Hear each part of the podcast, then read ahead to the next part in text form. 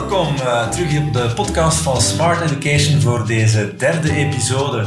Vandaag heten wij welkom Ludo Poelaert. Ludo, welkom. Ja, welkom, dank u. Ludo, voor de luisteraars, ik ken jou al wat beter natuurlijk, maar even voorstellen. Uh, Ludo is uh, professor aan de Universiteit Gent. Hij doseert daar bedrijfsbeheer.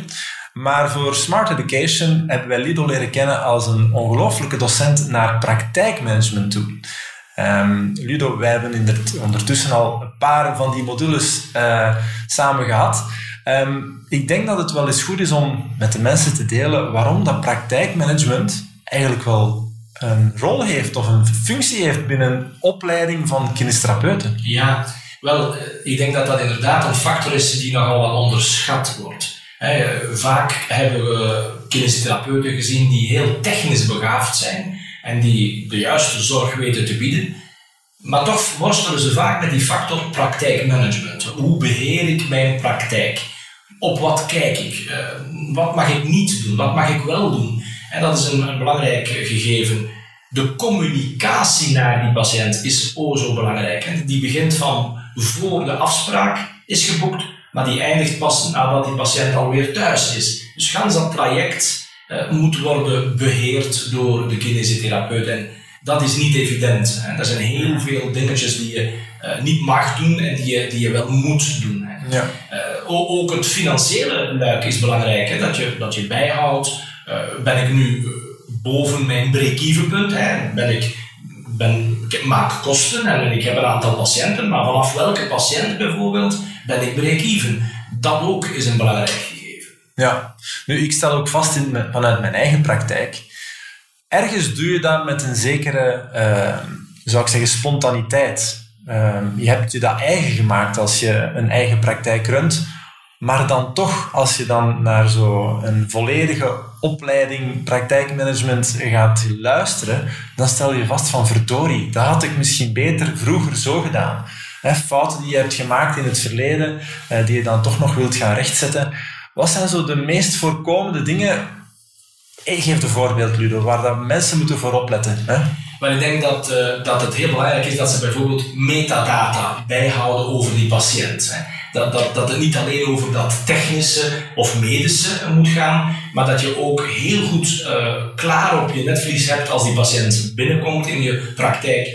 Wie is dat ook weer? Hè? En wat weet ik over die patiënt buiten het medische. En dat kunnen uh, triviale dingen zijn. Dat kan zijn dat hij een zoon heeft die een groot sportman is. Dat kan van alles zijn. Maar dan moet je daarover eerst gaan terugkoppelen. En zo creëer je een communicatie die uh, zeer positief en zeer welvarend kan zijn. Ja, nu die communicatie. Ik ben blij dat je dat uh, even aanhaalt. Want het gaat er niet alleen over communicatie met je patiënt en daar heb ik dan het meest van over opgestoken ook. En wil ik nog graag nog veel meer in leren en, en, en ervaringsdeskundig in worden. Communicatie met je collega's. Inderdaad. Communicaties met de mensen met die je elke dag mee samenwerkt. Maar ook met artsen. Uh, met je hele netwerk. Hè?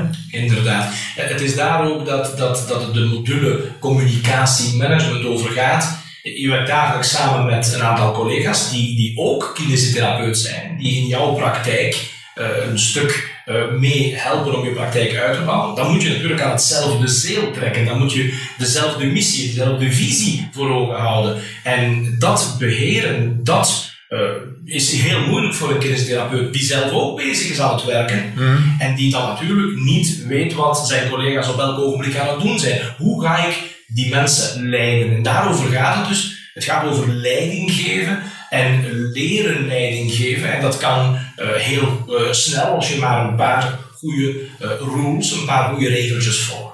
Ja, ja, inderdaad. Um, als ik dan zelf ook bij de mensen die jouw opleiding hebben gevolgd, al in het verleden, als ik dan even ga navragen van wat heb je daar nu het meeste van onthouden, dan hoor je ook altijd heel boeiende verhalen. Hè? Dus um, vaak zijn dat dan collega's die enerzijds net startend zijn, maar anderzijds al een, een, een, groepspraktijk hebben en die al een heel traject hebben afgelegd, maar die toch vaststellen van, ja, met wat ik nu van Ludo gehoord heb, dan moet ik dringend iets gaan aan veranderen. Is het dan ook niet, dat wou ik daarnet eigenlijk ook vragen, is het dan ook niet te laat soms om al als je een bepaalde uh, weg hebt afgelegd uh, om nog dingen te gaan rechttrekken? Ja, ik denk dat niet. Hè. Ik denk dat je, dat je nooit mag spreken van ik maak fouten. Hè. Ja, dat is misschien verkeerd. Dat is een verkeerde woordkeuze, denk ik. Ik denk accenten verleggen, dat dat al heel belangrijk kan zijn. Hè. Dat, je, dat je een aantal dingen uh, ja, toch, toch anders doet en, en toch op die manier die relatie met die patiënt, die relatie met die andere zorgverstrekker in jouw praktijk en nog meer ook, de relatie met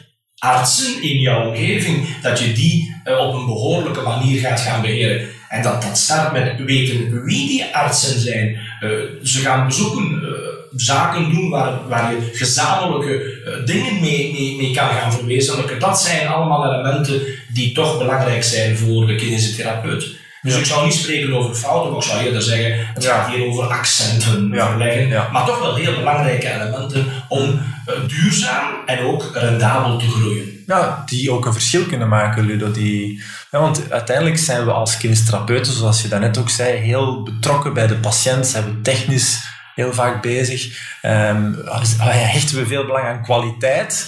Maar dat belang aan kwaliteit moet zich ook vertalen naar de kwaliteit van jouw zorgpraktijk. Hè? Um, hoe ga ik dat aanpakken en hoe kan ik dat ook elke dag opnieuw uh, voor ogen houden? Um, ja. Ik denk dat wat dat betreft ook het financiële, hè, het rendabele, dat blijft bij kinestherapeuten uh, ook een hot topic. Hè. Ja. Binnenkort is het weer uh, de conventieronde. Dus het financiële is iets heel belangrijk. Maar ik denk, dat wou ik eigenlijk vragen.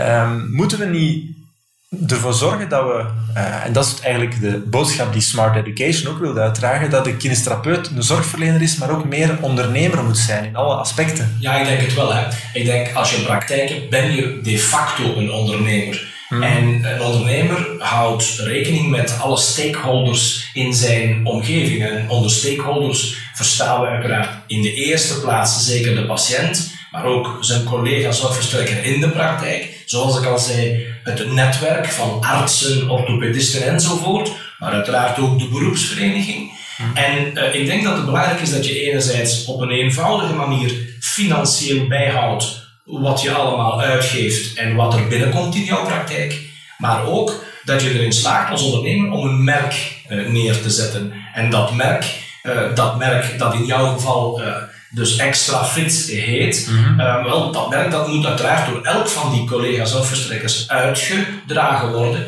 En dat merk moet je neerzetten in je omgeving, in de regio waar je gevestigd bent. En ook daar zijn er heel wat kleine, uh, toch wel belangrijke tips en tricks die ik dan gedurende de derde module, uh, hoe maak ik een merk of hoe zet ik een merk neer als kinesitherapeut, geef ik toch heel veel tricks en uh, die dus helpen om dat te doen. Ja, wel, ik heb daarnet ook even uh, aangegeven welke reflecties die ik dan krijg van collega's die aan jouw, aan jouw seminars hebben deelgenomen. Wat zijn zoal de, de reacties die jij krijgt? Want die zijn er ook, heb je mij al verteld. Ja, toch wel. Ik ben, ik ben heel blij dat ook mensen na het seminar mij vinden en dan krijg ik vaak uh, de vraag om, om ze persoonlijk ook te coachen. Mm -hmm. dat zijn een paar interventies waar uh, de praktijk wordt een beetje, laten we maar zeggen, onderzocht, geanalyseerd. Wat kan er beter?